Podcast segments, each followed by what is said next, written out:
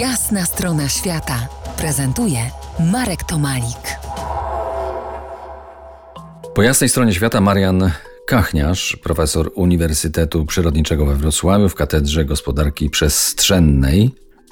Najstarszy, pierwszy na świecie park narodowy to Yellowstone w Stanach Zjednoczonych, istniejący od 1872 roku. Ponad pół wieku później najstarszy w Polsce park narodowy to Pieniński.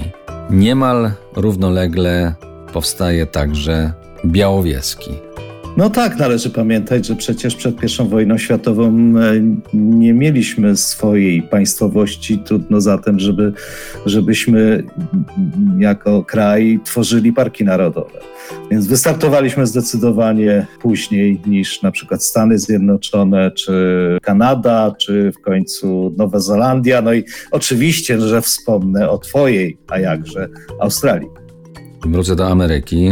Nigdy nie byłem fanem e, Ameryki, w szczególności Stanów Zjednoczonych, ale jestem pod mocnym wrażeniem, e, jaki tam e, mają parki narodowe status.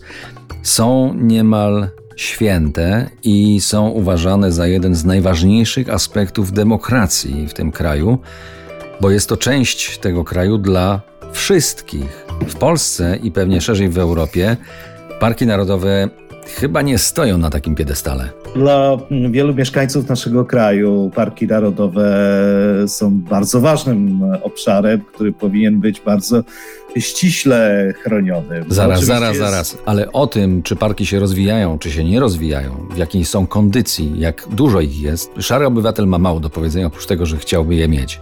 O tym decydują wyżej.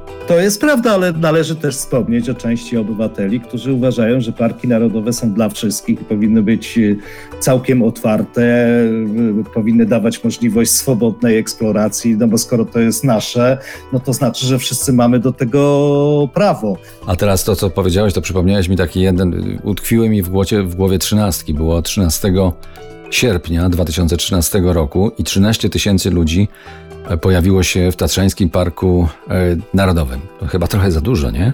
Tak, nad Morskim Okiem. No, to jest problem chłodności niektórych szlaków, e, ale też i naszego zdyscyplinowania, gdyż ta chłodność może oczywiście być zachowana, jeżeli odwiedzający zachowują się według e, reguł, czyli na przykład nie przekraczają przestrzeni, która jest im jakby dedykowana i najczęściej e, odgrodzona na przykład od pozostałej części. To nie jest łatwa sprawa i to nie dotyczy tylko naszych polskich parków narodowych. To jest y, też kwestia ogólnoświatowa.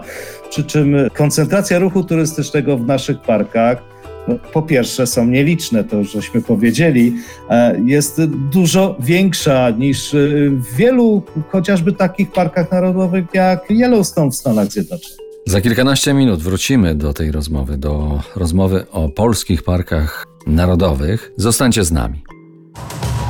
To jest jasna strona świata w RMS Classic.